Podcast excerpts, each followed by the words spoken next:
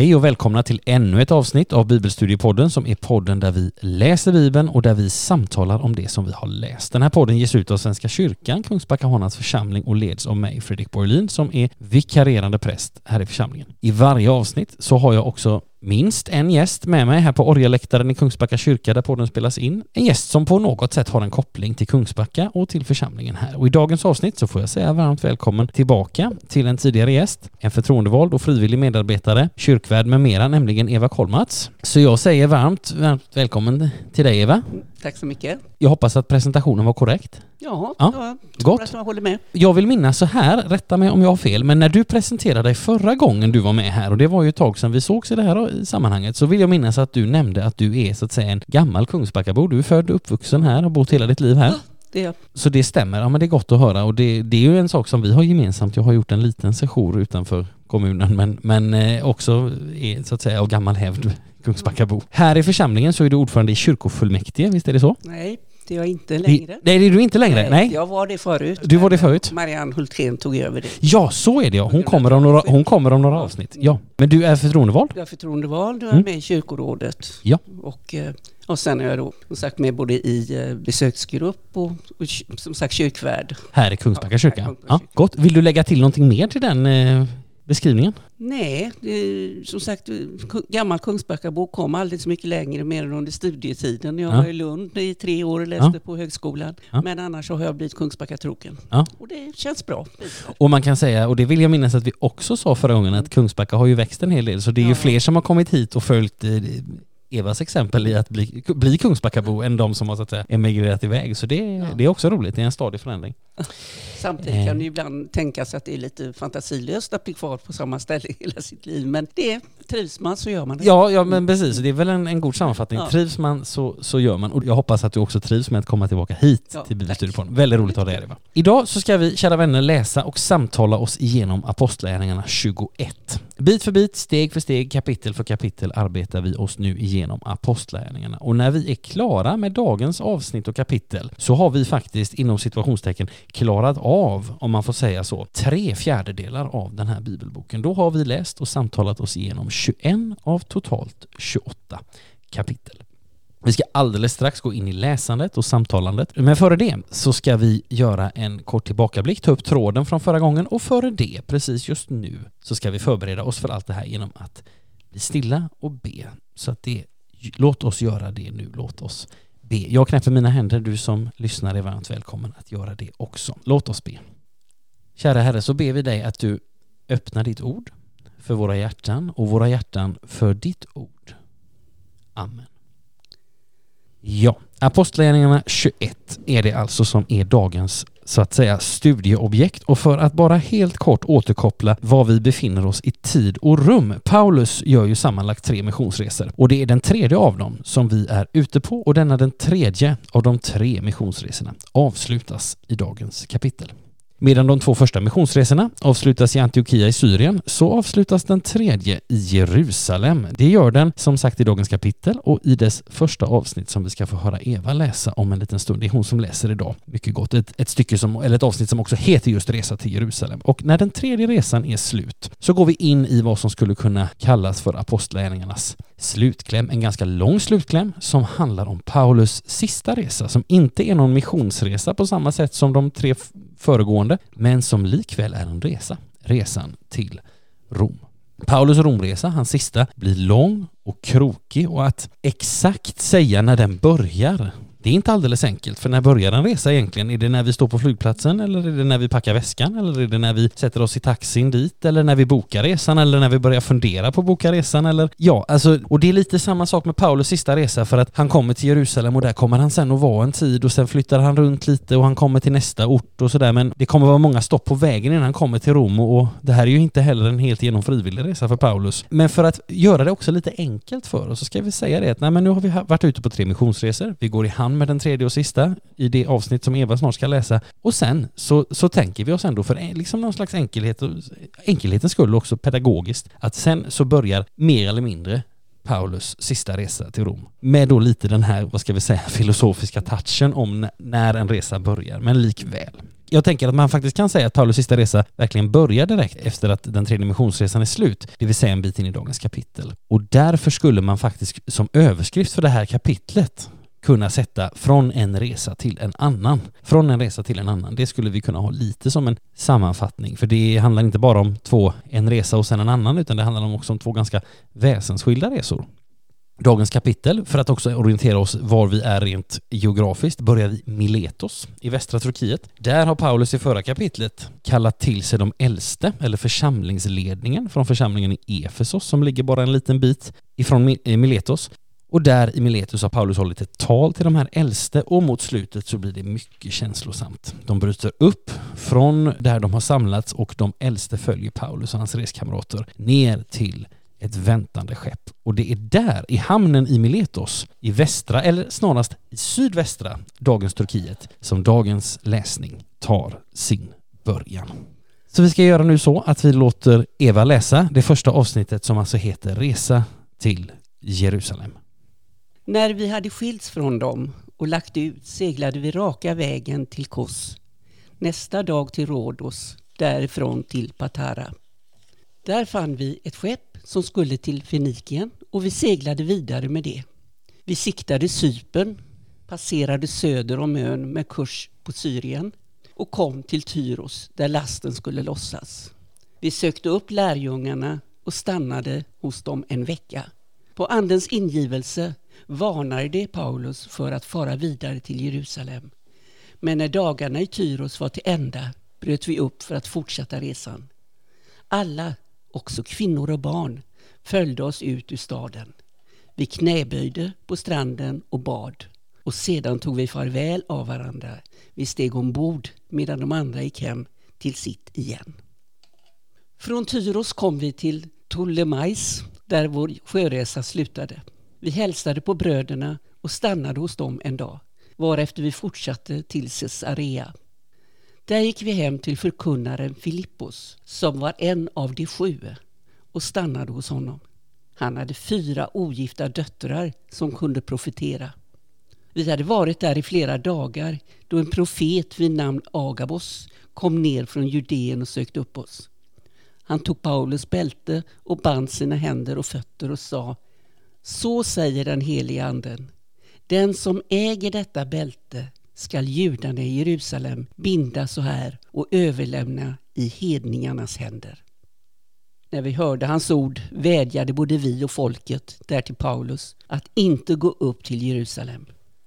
Då svarade han, varför gör ni så? Gråter och slår ner mordet på mig. Jag är beredd att inte bara låta mig fängslas utan också lida döden i Jerusalem för Herren Jesu namns skull. När han inte lät sig övertalas lugnade vi oss och sa Må Herrens vilja ske.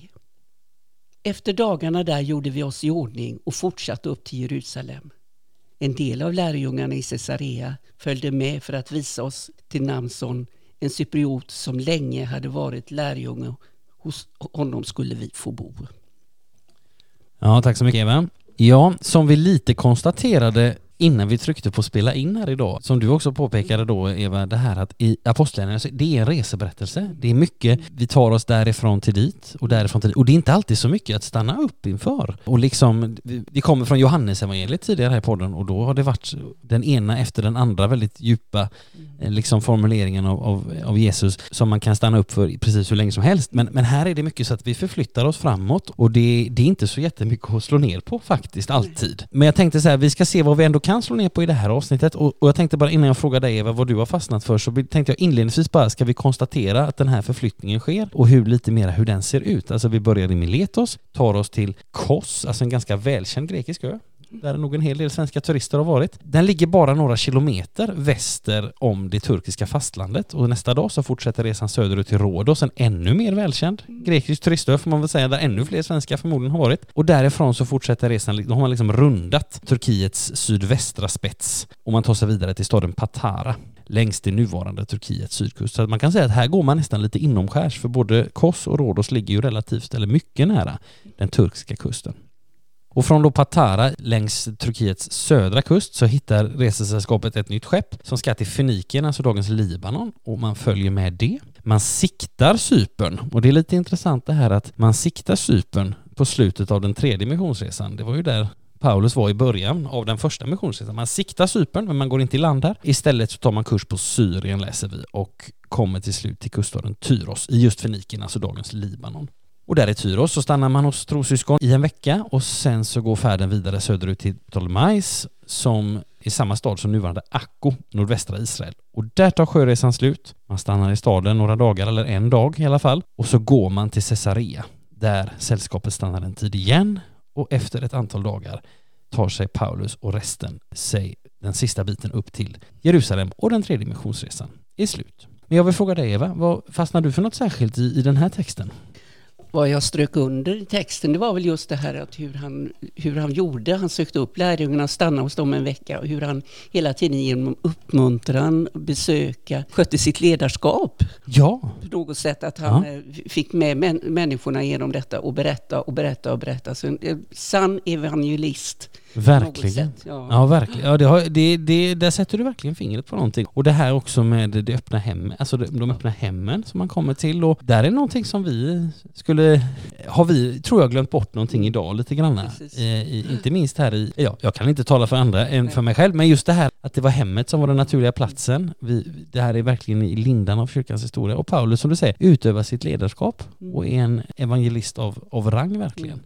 Och jag tänker på också det att när jag läser detta, eftersom jag inte läst alla apostlagärningarna och alla breven eller resorna, så tänker jag just det här att det är så likt som Jesus gjorde. Ja. Han gick runt och pratade och stöttade och eh, fick med sig på det sättet. Alltså ja. Ledarskap som skulle fungera även idag i vårt samhälle. Ja. Att uppmuntra, få med sig, tala, ja. ja alla de här delarna. Så att det, det, är ett väldigt eh, egentligen gammalt men också nytt sätt att leda ja. verksamhet. Ja, och jag tänker på det här om vi skulle liksom, för nu är vi ju snart inne i fjärde fjärdedelen av postledningarna och så kan vi unna oss att bara titta lite i backspegeln och så tänker jag så att vid några tillfällen, eller ganska många, så har det varit olika typer av motsättningar. Alltså Paulus har blivit bortvisad, han har blivit utjagad, bortdriven, stenad och sådär. Och ibland så har det också blivit, vad ska vi säga, konflikt med personer. Eh, jag tänker på eh, den här trollkaren på Cypern i kapitel 13. Vi tänker på, eh, det finns ytterligare exempel liksom. Men så tänker man så här, vad gott också för honom då att verkligen komma till bröder. Och att man får tänka att förmodligen så är det vanligare än vad vi läser om liksom. Så tänker jag att eh, vi får en hel del exempel på att ibland är det liksom, och han är, han är ibland liksom, han är ibland okända och så vidare, men, men också här att vi får också den andra biten. Att han är bland bröder och han, han går runt och han uppmuntrar som du säger och så. Det är väldigt, det är väldigt fint att tänka på att det inte bara är konflikt hela tiden Nej, i aposteln utan det är också att han ja, men, far omkring och samlar och liksom, ja, mm. gott på väldigt gott sätt. Något annat som du har fastnat ja, för här i texten? Jag, det var frågor lite grann det här, men ibland säger man bröderna, ibland säger man lärjungarna, ibland säger man de sju. Ja. Eh, det skulle jag gärna vilja utveckla lite mer. Vad, vad, är det egentligen? Ja, alltså eh, jag tänker att vad gäller, nu ska vi titta här, ska vi bläddra oss fram bara.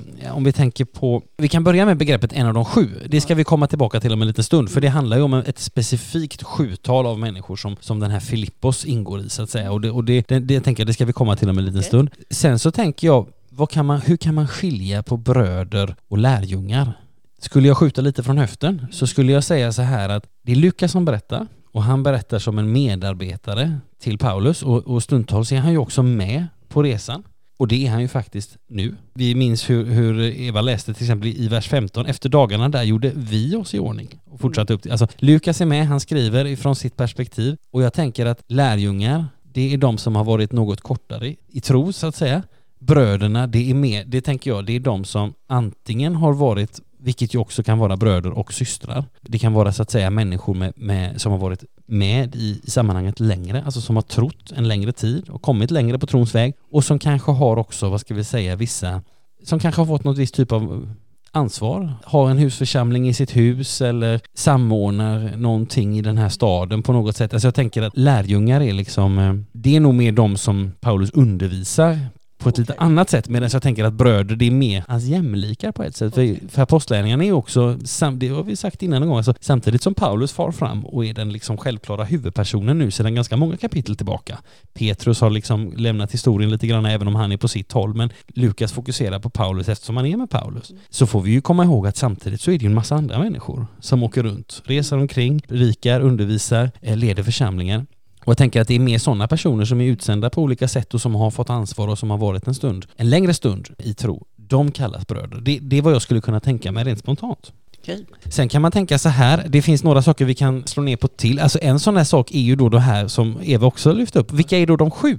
Då behöver vi ta oss till vers 8 och då träffar vi på förkunnaren Filippos, eller som det heter i Folkbibeln 2015 översättning, evangelisten Filippos, som just beskrivs som en av de sju, det vill säga en av de sju församlingstjänarna, diakonerna, som vi har hört om tidigare. De nämns i Apostlagärningarna kapitel 6, vers 5, för att de utnämns, sju stycken, för att ha hand om den dagliga utspisningen och annan, så att säga, tjänande verksamhet så att liksom de ursprungliga apostlarna ska kunna ägna sig åt ordets och bönens tjänst. Filippos minns vi också som den som förkunnar i Samarien och som av anden sänds för att förkunna evangelium för och sen döpa den etiopiske hovmannen. Allt det här utspelar sig i Apostlagärningarna 8. Det är faktiskt den av de här sju som vi vet mest om. Alltså det är Stefanos, han utses också i kapitel 6 men han dör i kapitel 7. Medan Filippos, han, om honom handlar hela kapitel 8 i Apostlagärningarna. Men det är, ju ett, det är ju ett tag sedan, det är 13 kapitel sedan vi var där. Men nu kommer han alltså tillbaka. Och nu har alltså Filippos vad det verkar hamnat i Caesarea. Han bor där med sina fyra ogifta och tillika profeterande döttrar. Och den som har riktigt gott minne minns kanske att berättelsen om Filippos där i kapitel 8 och hans göranden och låtanden där avslutas med att han kommer till just Caesarea efter att ha gått från stad till stad och förkunnat budskapet. Så där kunde Lukas ha skrivit att han kom hem, om han bodde där redan innan och inte slog sig ner där då. Men då måste jag bara fråga de här fyra ogifta döttrarna som kunde profetera. Ja, Fick de profetera också? De gjorde det, fast de var kvinnor. det utgår jag ifrån eftersom vi inte läser någonting annat om det. Om de hade varit gifta hade de, in, hade de fått profetera, eller, profetera då? Och det var en bra fråga du. Tänker du på något annat bibelord i Nej, Nya Testamentet? För jag, jag, kan inte, alltså jag kan inte på rak arm dra mig till minnes någonting som, som skulle så att säga förändra det. Nej. Sen kan vi ju, om vi, också, om vi då tittar på, för här kan, vi ju, här kan vi ju skrapa lite på ytan och se om vi hittar information om den första kyrkan. För när Lukas då skriver att de var ogifta och profeterade, då tänker man så här, varför skriver han att de var Ja, ogifta? Precis, det är det jag undrar. Antingen så skriver han det för att de bodde hemma, Mm. det vill säga det hade varit fullkomligt otänkbart att Filippos skulle ha fyra gifta döttrar boende hemma hos sig. Då hade de bott eh, tillsammans med, med sina män. Antingen det, eller så finns det någon bestämmelse här att gifta kvinnor inte får eh, Mm. profetera och därför så förklarar Lukas när han skriver att de var ju ogifta så det var inget konstigt att de profeterade. Men vilken av dem, eller om det möjligen finns en annan förklaring som det är, det vågar jag inte svara på och det är mycket möjligt eh, att någon skulle kunna plocka fram något annat material, gärna från de nytestamentliga breven, och bryta mot detta. Men det har jag inte på rak arm. Men tack för en riktigt bra fråga.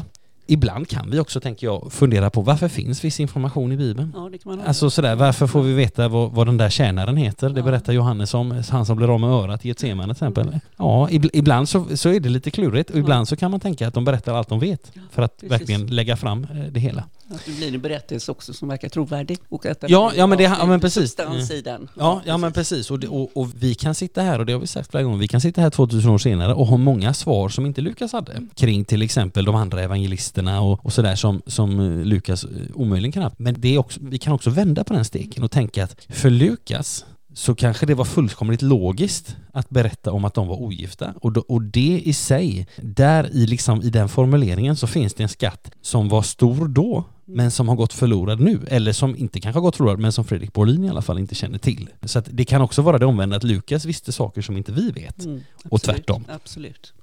Sen för att avsluta bara den här utläggningen med, med Filippos här så kan man, ska vi också flytta fram tidsperspektivet. Pappias, en central gestalt i den tidiga kyrkan men som är verksam under första åren, alltså under hundratalet. Och, som, och därför tillhör han ju liksom generationen efter Paulus apostlagärningarna. Han berättar om hur Filippos och hans döttrar senare var verksamma i Hierapolis, nära Laodikeia, alltså det vill säga i dagens Turkiet. Så att vad det verkar så flyttade de på sig ytterligare en bit, alltså från Jerusalem först till Caesarea och sen över till Turkiet till Hierapolis nära Laodikeia. Och det är intressant också det här tänker jag, alltså där hos Filippos så får ju Paulus flera varningar. Det kan man säga någonting om också. Har du tänkt någonting på det Eva, eller du? Ja, men han fick ju varningar hela tiden. Ja, ja men precis. För jag tänker så här, kommer vi bara in i, i det här avsnittet så finns det en del saker som kan tyckas lite märkliga. Men om jag tänker så här, här hos Filippos så får Paulus varningar, eller kanske bättre sagt förvarningar på vad som ska komma. Och eh, den här bilden som Agabos eh, har med det här bältet, en bild som får de övriga och till och med vi står det som Lukas skriver att vädja till Paulus att inte bege sig upp till Jerusalem. Men Paulus går ändå och det är lite som, jag tänker dels är det lite som Paulus skriver i första Korintierbrevet 9, jag har målet i sikte, skriver han där. Alltså Paulus vet vad han gör. Men vi har också läst tidigare det här avsnittet, redan i vers 4 här hörde vi Eva läsa om att Paulus får en varning. Mm. Det står så här att Paulus varnas för att fara vidare till Jerusalem. Och då kan man fundera på, betyder det att Paulus att säga går emot vad den heliga ande försöker leda Paulus att göra?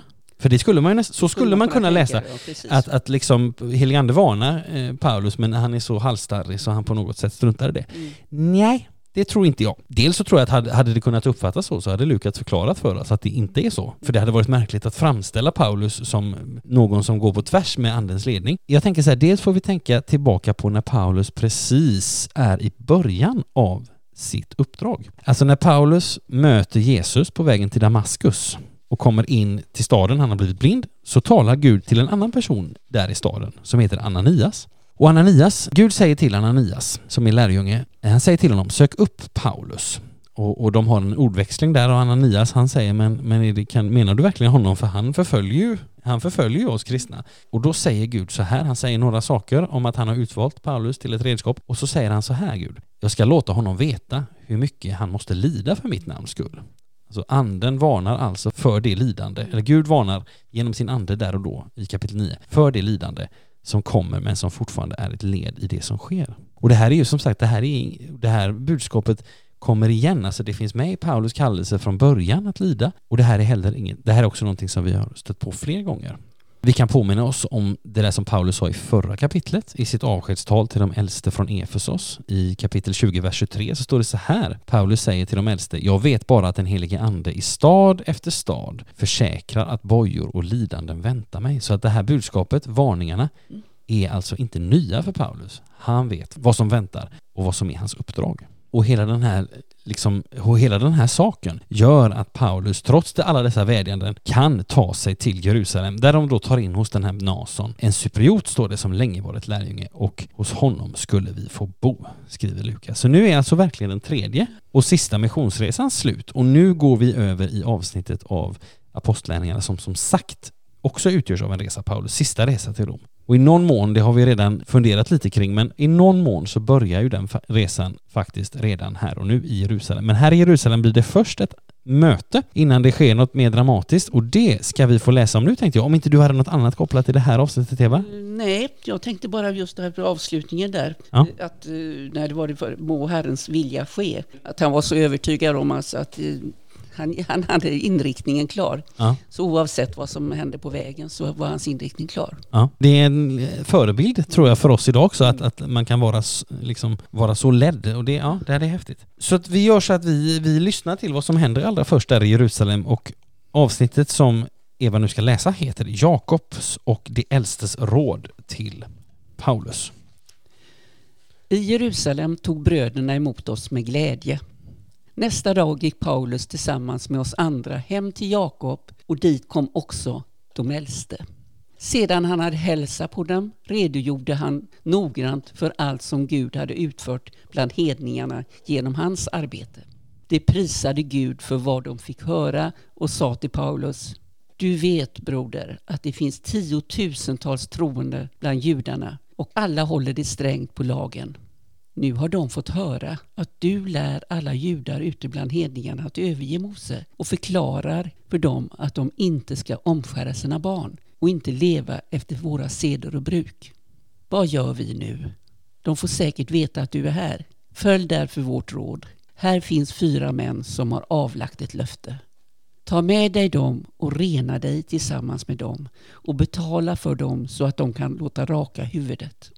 Då förstår alla att det inte ligger någonting i det som de har fått veta om dig utan att också du håller fast vid lagen och lever efter den. Men när det gäller hedningar som har kommit till tro har vi meddelat vårt beslut.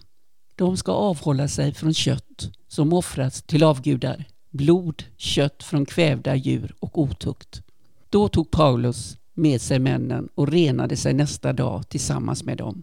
Sedan gick han till templet och tillkännagav när renhetstiden skulle vara avslutad och offer bäras fram för var och en av dem. Tack så mycket Eva. Ja, jag ska strax eh, fråga vad du har fastnat för, men ja, i, alltså bara några ord allra först här. I Jerusalem så sammanträffar alltså Paulus med Jakob och de äldste. Och Jakob här, det är alltså Jakob, Jesu bror som kom till tro efter uppståndelsen och som sen blev och förblev en respekterad ledare i Jerusalem tills han stenades år 62 eller 69 efter Kristus. Ja, det finns två förslag på vilket år det kan vara. Och antingen är det 62 eller 69 och varför det är sju år emellan förslagen det vet jag faktiskt inte. Men så stod det i alla fall i den bok som jag läste. Eh, den andra Jakob här i Apostlagärningarna, för det finns ju faktiskt en Jakob till, det är ju lärjungen Jakob, aposteln Jakob, Sebedaios son och lärjungen och evangelisten Johannes storebror. Han led martyrdöden under Herodes Agrippa den förste. Det var flera år sedan och det läste vi också om i, Apostlagärningarna 12. Det skedde alltså redan innan Paulus gett sig iväg ens på sin första missionsresa. Men jag vill fråga dig Eva, vad fastnar du för eh, i det här avsnittet? Ja, jag har lite undringar när det gäller eh, det här med eh, reningen. Ja, och eh, med att låta raka huvudet. Ja. Och han skulle följa med dem och de skulle, han skulle betala för dem och Ja. Mm. Det här har jag undringar över. Vad, vad betyder det här? Ja, för- ja det, här är, det här är ju inte helt, eh, helt lätt så att säga, eller, eller sådär. Alltså man kan säga så här att vid mötet med Jakob och de äldste, för man kan också fundera på vad, vad, vad betyder det här rådet som de får? Alltså det tycker jag också är lite klurigt. Alltså vid mötet som Paulus har med då Jakob och, och de äldste så får Paulus det här rådet att rena sig i templet tillsammans med några andra som vi inte egentligen vet vilka de är. Och det här ska då på något sätt ta udden av de rykten som florerar om Paulus bland en del judar och som vi också kan läsa om i texten att han undervisar om det här och det här och det här och, och påstår det här och det här. Det talas i vers 23 om fyra män som har avlagt ett löfte. Och vad är då det? Jo, det är ett nas- så kallat nasirlöfte, bör det betyda. Alltså som innebär att man under en tid vigde sig särskilt åt Gud och därmed lät håret växa. Okej. Och vid nasirtidens slut, fråga mig inte hur lång den här nasirtiden var, för det vet jag faktiskt inte, eller du får gärna fråga men du får inget svar. Så att säga. Men vid nasirtidens slut så rakade man huvudet och sen frambar man ett offer och det var inte vad som helst utan det var två lamm och en bagge. Och det här föreskrivs i fjärde Mosebok eh, kapitel 6 så står det om nasirlöften och, och så här. Så att det här är inget påhitt eh, utan, utan det här är på biblisk grund så att säga. Och det är det här offret som Paulus ska betala i templet och det verkar som att han ska betala för de andra också. Och i templet så ska de fyra männen då vad det verkar, de ska avsluta sin nasirtid med att få huvudena rakade Paulus själv. Och det är lite intressant om vi backar några kapitel. Det läser vi om i kapitel 18 här i Apostlagärningarna. Han hade tidigare avlagt ett sådant löfte och han har låtit klippa håret så att allt det som Paulus ska göra i templet verkar alltså på något sätt ha, och, och nu ska han liksom, är han där för att offra då för sin egen nasirtids slut så att säga. Och allt det som Paulus ska göra i templet utifrån de här råden han får, det verkar alltså ha till syfte att som sagt på något sätt ta udden av en del rykten som cirkulerar om honom, att han liksom, ja, och som vi hörde, som vi hörde om i texten här, att han undervisar kring vissa saker och sådär. Och vi ska strax se hur det går med den saken, men det är intressant att veta att vi får egentligen ingen bild av om det som påstås om Paulus här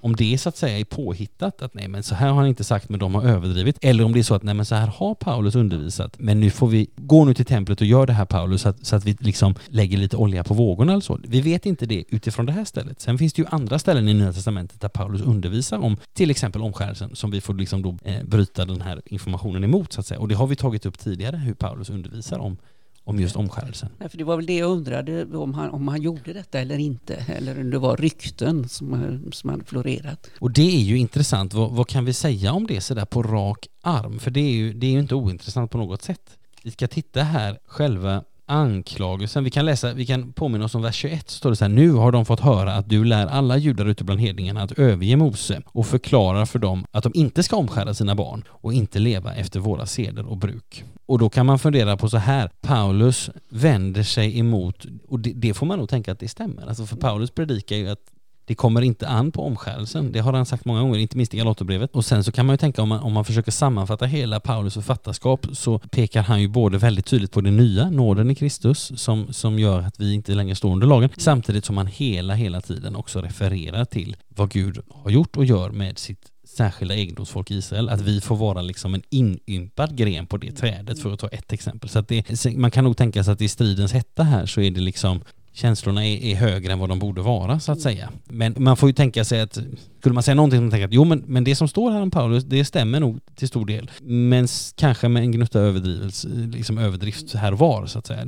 Det skulle jag säga lite bara spontant sådär. Ja, men det var ju där jag undrade då om, om det var så för att den här med reningen, att han då på något sätt vad ska jag säga, tog avstånd från det han hade predikat. Nej, det tror jag inte. Jag tror inte att reningen har, har att göra med vad han har sagt, utan Nej. jag tror att det mer är att gå nu och rena det här och liksom gör detta så att de förstår att du fortfarande är jude Okej. på något sätt. Eh, Eller så att de förstår att du fortfarande, liksom, du har inte blivit en fullständig rättshaverist så att säga, utan du på något sätt, så att det är någon slags förson, jag tror att de vill få fram någon slags försoningsakt här eller så. Även om inte, det har jag svårt att tänka mig utifrån vad vi vet om Paulus, att han skulle ta tillbaka någonting av det han har sagt så att säga. Var det svar på din fråga Eva? Ja, det, det är det. Ja. Sen kan man bara säga som ett litet slutord eller så innan vi läser vidare att i vers 25 så får vi också upprepat för oss, det kan vi påminna oss om. I vers 25 får vi återupprepat för oss vad man kom fram till vid apostlamötet här i Jerusalem år 48 eller 49 som vi läste om i kapitel 15. Alltså hedningar som blev kristna skulle följa den här föreskriften att men när det gäller hedningar som har kommit till tro har vi meddelat vårt beslut. De ska avhålla sig från kött som offrats till avgudar, blod, kött från kvävda djur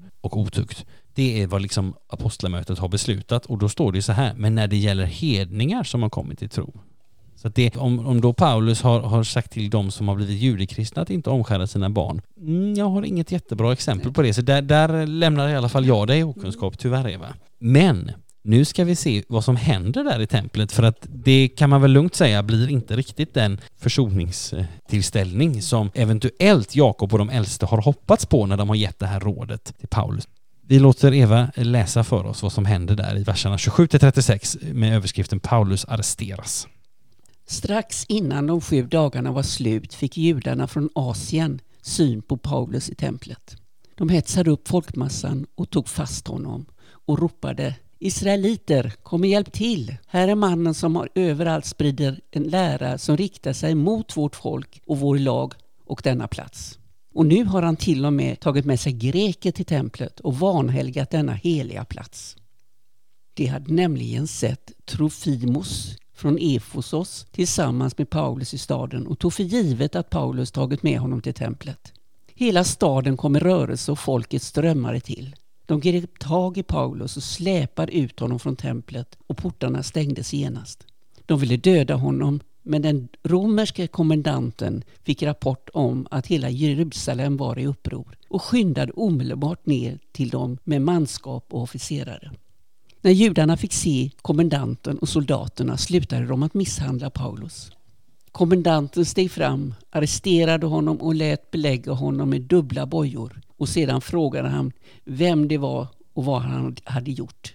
Det kom olika svar ur hopen och då han i allt tumultet inte kunde få klart besked lät han föra Paulus till fästningen. När man hade fått honom till trappan måste soldaterna bära honom. Så våldsam var trängseln, för massan följde efter och skrek Döda honom! Tack så mycket Eva. Ja, efter vad vi skulle kunna kalla för ett gott möte med Jakob och de andra så blir det nu ett mindre gott möte, minst sagt för Paulus. Motståndare till honom, som det står, judarna från Asien, får syn på Paulus och, och hetsar upp folkmassan och tar fast honom. Där hade jag en fråga när det gäller judarna från eh, Ja. strukit under från Jajamensan. Asien. Vilka var det? Ja, och då tänker man så här, alltså uttrycket judarna från Asien syftar ju givetvis inte på alla judar som bor i Asien, Nej. i regionen Asien, alltså som ligger i dagens Turkiet, utan bör syfta på, tänker jag, några tongivande judiska ledare bosatta i den regionen, men som för tillfället befann sig i Jerusalem. Man får tänka sig att de är tongivande också för att de lyckas hetsa upp folkmassan. Alltså folk bör ha vetat vilka de var och följt deras exempel. Alltså vi kan ju förundras över att översteprästerna lyckades hetsa upp hela Jerusalem mot Jesus, men de var ju så att säga välkända och tongivande, lokalkändisar om inte annat. Och man får tänka att de här judarna från Asien också var på samma sätt, ja men någon slags tongivande personer som, ja, men som fick med sig folk helt enkelt. Sådär. Så att det, det, vi, kan, vi kan också påminna oss om att också evangelisten Johannes använder det här uttrycket just judarna för just det judiska ledarskapet, så att säga. Eh, Paulus är ju precis som Jesus var en jude bland judar, så att säga. Så att det, det blir missvisande att tänka på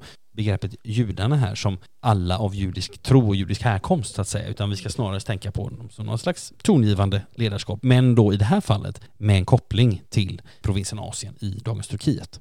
Och de anklagar ju då honom för att sprida en lära som citat riktar sig mot vårt folk och vår lag och denna plats, det vill säga templet. Och nu har man dessutom tagit med sig, nu har han dessutom då tagit med sig greker till templet, eller rättare sagt, de antar ju, de har liksom dragit en sån här slutsats utifrån att de har sett en grek tillsammans med Paulus så har de, drar de slutsatsen att ja, men då har han ju tagit med sig honom till templet. Mm. Vilket jag tror att vi i Sverige idag i alla fall och i de flesta, på de flesta ställen inte skulle kalla en god rättsprincip liksom eller att föra någonting i bevis. Men, men det här säger ju också någonting om stämningen så att säga. Precis. Hur uppiskat det är.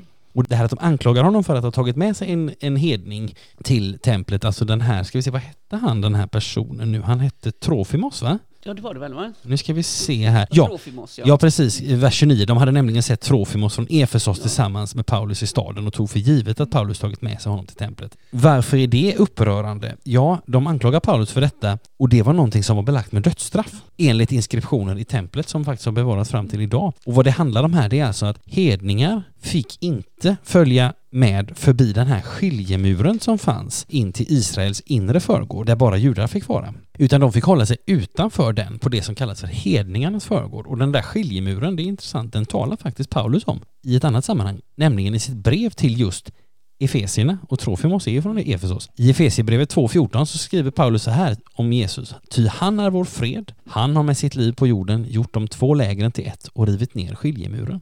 Fiendskapen. Och det är alltså innanför den här skiljemuren som Paulus anklagas för att ha tagit med sig en hedning. Hela staden kommer i rörelse. Det är precis som när Jesus föds. Då står det att Herodes den store blir upprörd och hela Jerusalem med honom. Folket strömmar till, det blir upplopp och den romerska ockupationsmakten ingriper och ger sig också in i leken. Och hela det här scenariot har ju också, tänker jag, jag vet inte vad du säger Eva, men har ju också en och annan likhet med Jesus sista timmar i livet. Jag tycker väldigt mycket på i hela det här avsnittet som jag har studerat. Påminner mycket om Jesus sista tid. Ja, jo men det gör det verkligen. Det, det, både i det som sägs och i stämningen och i vilka, liksom så här, vilka spelare som finns på Ja, spelplanen och så vidare. Ja, Mm, absolut. mm. Och det har vi ju faktiskt, det kan vi ju bara påminna oss om att det har vi ju faktiskt varit med om tidigare på Apostlagärningarna också, det här med att, att det, det finns en lynchmobb eller sådär och det, det, det blir en liknande stämning och liknande ramar kring händelser som påminner om Jesus sista timmar. Är det något annat som du har fastnat för jag funderar på det här med kommendanten som Ja. var romare. Och det tycker jag också är intressant för att han, han lät ju honom ändå frågade vad han hade gjort. Ja. Han bara inte fängslade honom bara rätt Nej. upp och ner utan ändå ville reta vad har han gjort, var kommer han ifrån? Ja. Och i nästa avsnitt så, så kommer det ju mer om det. Så att där tycker jag det finns också den här likheten med Jesus. Med, eh, vad det Filipp, vad heter han? Vad heter han, Ö- ö- kommendanten? Du tänker på Pontius Pilatus kanske? Ja, just det, precis. Han är också en ny typ av officer. Ja, ja, men absolut. Han, eh, vad ska jag säga, dömde ju inte Jesus med en gång heller. Nej, nej men det gjorde han inte. Och det finns, den här kommendanten har ju likhet med Pontius Pilatus på det sättet att det är liksom någon som ändå går emellan här på något sätt. Samtidigt som ju Pontius Pilatus inte heller, alltså han skulle ju också så att säga, han hade ju också makt att frige Jesus Ja. och skydda honom, men det gjorde han Det inte. gjorde han inte. Och han var nog förmodligen ganska ointresserad av de här judiska som han tyckte då, eh, jag är väl ingen jude säger han ju något av evangelierna så att han är ganska ointresserad och Mm. vill mest ha lugn och ro i sin provins och då vet han att han ibland får offra någon. Och det, sådana romerska företrädare kommer vi stöta på, inte i dagens kapitel men framöver. Något annat som du fastnat för? Nej, det var väl det som Mm. jag eh, har antecknat här. Mm. Sen bara två saker man kort kan säga något om innan vi går in på det sista korta avsnittet. Det är det här med dubbla bojor, alltså troligen runt händerna och fötterna, precis som den här Agabos Mm. har profeterat tidigare. Det får vi tänka oss. Och fästningen, vad är då det? Ja, det är den så kallade Antoniaborgen som låg vid nordvästra hörnet av tempelplatsen. Alltså stämningen är minst sagt hätsk. Mm. Men Paulus ges ändå tillåtelse att få hålla ett tal till folket. Och det talet, det kommer vi inte föra i dagens avsnitt. Men vi ska få höra några ord till om det som händer precis innan Paulus ska tala. Och det, det är inte mycket att stanna upp vid där, men vi läser det och så ska vi säga någonting om det innan vi går in för landning. Just som man skulle föra in Paulus i fästningen frågade han kommendanten. Får jag säga dig en sak? Jaså, du kan grekiska, sa denne. Då är du inte egyptien som för en tid sedan uppviglade de 4000 knivmännen och drog ut med dem i öknen.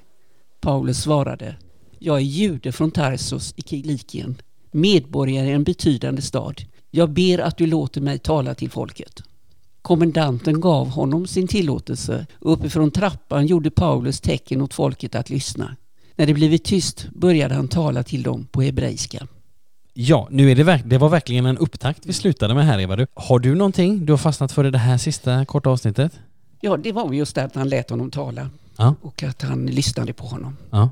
Och att han fick eh, människorna tystna och Ja. lyssna på honom. Ja. Jag tänker att det, det, man skulle kunna nästan eh, jämföra, nu har vi pratat lite om det här med rättsprinciper och så, eller bara helt kort, men det här är vad vi skulle kunna kalla för en vittneskonfrontation Mm. kanske. Eller någonting att han vill på något sätt undersöka, vad säger den här mannen som retar upp dem och hur reagerar de? Och jag tänker att skulle vi drista oss till att gissa lite eller försöka liksom måla den här tavlan med lite mer färg så kan man nog säga att det här är nog kanske dels en omsorg om Paulus på något sätt men det är nog också lite grann det här att hur galna är den här folkmassan?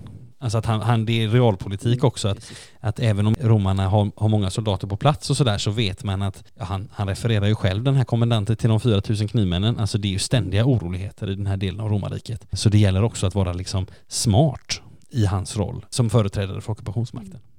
Jag tänker bara några sådana här superkorta saker man kan fastna för. I vers 37 får vi reda på att Paulus kan grekiska. Det har vi ju vetat innan också. Men här, här får vi liksom en, en, verkligen en vers som just påpekar just det. Det är vers 37. I vers 39 så är det Paulus ord Jag är jude från Tarsos i Kiliken medborgare i en betydande stad. Det här ordet har vi citerat tidigare när vi har berättat lite om Paulus när han precis kommer in i historien och här kommer ordet tillbaka. Och allra sist idag som ett litet slutord så hörde vi Eva läsa så här. När det blivit tyst började han tala till dem på hebreiska. Och där har vi som vi sa verkligen en upptakt till det som komma skall i nästa kapitel, vilket är Paulus försvarstal inför folket och en del annat. Men dagens avsnitt, dagens kapitel, det börjar nu lida mot sitt slut, minst sagt. Vi har så smått slagit in på Paulus sista resa och det är den vi ska pyssla med nu i ytterligare sju kapitel, sista fjärdedelen av apostlagärningarna. Men dagens etapp är som sagt slut här och nu. Och det föranleder mig, Eva, att säga ett stort tack till dig Tack så mycket för att du kom hit. med. Läsning, tankar, funderingar, frågor. Mycket gott att ha någon här uppe hos sig när vi spelar in. Det gör det hela uthärdligt för lyssnarna också. Att,